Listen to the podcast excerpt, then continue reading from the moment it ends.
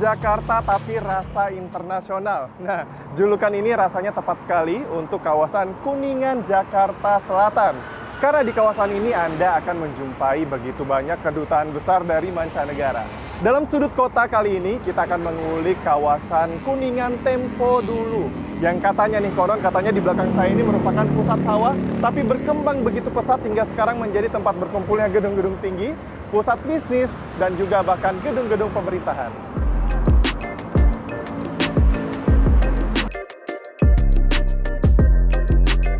Kawasan Kuningan, Jakarta Selatan dipenuhi gedung-gedung pencakar langit. Area ini merupakan bagian dari segitiga emas Jakarta. Di kawasan ini, kita bisa menjumpai kedutaan besar mancanegara, kantor perusahaan multinasional, hingga lembaga pemerintahan. Tapi tahukah Anda, dulunya kawasan ini merupakan area sawah dan peternakan sapi Jadi kawasan Kuningan, Kebayoran bahkan belum ada karena Kebayoran baru ada 1930-an sebagai kota satelit ya. 1920 1930-an.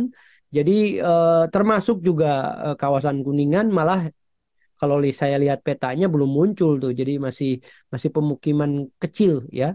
Di situ banyak eh, petani, eh, pengrajin ya, kandang sapi atau kandang kerbau. Jadi lebih banyak uh, apa namanya sebagai wilayah yang tidak tidak terlalu tersentuh jadi lebih banyak sawah dan kebun. Asal-usul nama Kuningan tak lepas dari sejarah Kabupaten Kuningan di Jawa Barat. Pada tahun 1527, pasukan Kuningan yang dipimpin oleh Panglima Dipati Ewangga menyerang kerajaan Sunda Kelapa di Batavia. Setelah itu, sebagian pasukan tidak pulang dan menetap di wilayah yang sekarang dinamakan Kuningan. Kali ini saya mau mengajak Anda melihat beberapa bangunan peninggalan yang berada di kawasan Kuningan. Salah satunya Masjid Hidayatullah Karet Semanggi yang sudah berdiri lebih dari 200 tahun. Masjid ini didirikan tahun 1714. Tahun 2001 lalu, masjid ini menyandang status cagar budaya sebagai salah satu pusat penyebaran agama Islam di Jakarta. Tokoh daripada Masjid Hidayatullah ini didiri yang tadi saya bilang yaitu wakaf daripada Muhammad Yusuf. Muhammad Yusuf ini adalah seorang uh, saudagar atau pedagang yang ada di daerah Karet. Di daerah Karet ini dulu kita hidup rukun antara umat Islam, orang Cina dengan orang-orang Hindu. Makanya dahulu kita bangun masjid ini apa ciri khasnya tiga budaya, tiga lingkungan suku lah yang ada di daerah Karet Kenapa kita tidak melihat daripada yang lain, tapi apa kerukunan umat beragama yang ada di daerah karet ini. Mimbar yang berada di Masjid Hidayatullah merupakan salah satu peninggalan yang masih terjaga keasliannya. Di belakang mimbar ada tulisan Arab gundul yang menuliskan tanggal pembuatan masjid ini.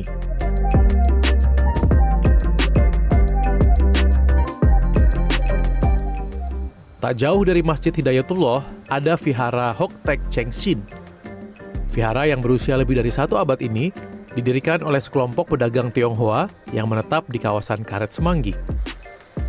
Vihara ini termasuk kelenteng Tridharma, yaitu menyediakan altar sembahyang bagi penganut agama Buddha, Konghucu, dan Tao. Vihara ini dijuluki sebagai Istana Naga karena keberadaan ornamen naga pada sisi bangunan. Ornamen itu melambangkan apresiasi terhadap dewa bumi atau Amurfa bumi dalam bahasa Sanskerta.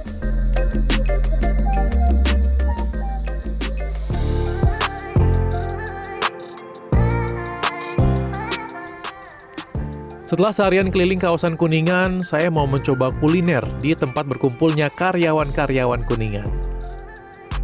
Terletak persis di belakang Menara Mega Syariah, Jalan Rasuna Said, kita bisa menemukan Pujasera atau pusat jajanan serba ada.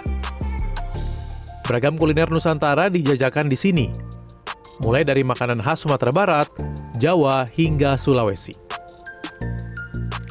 Dari beragam makanan, pilihan saya jatuh ke mangut kepala manyung. Sajian ikan asap khas Semarang yang ukurannya sebesar telapak tangan dilengkapi dengan es podeng dan es teh manis. Untuk menghilangkan dahaga di tengah panasnya Jakarta. Dalam sekali makan, saya merogoh kocek sebesar Rp45.000.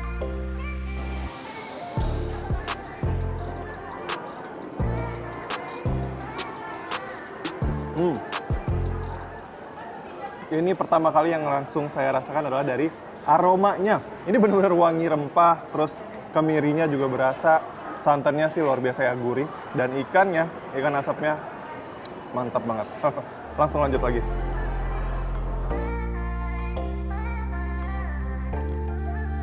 Kawasan Kuningan Jakarta Selatan kini telah bertransformasi menjadi kawasan elit Jakarta. Dari yang dulunya area sawah dan peternakan sapi, kini menjadi pusat bisnis dan perkantoran.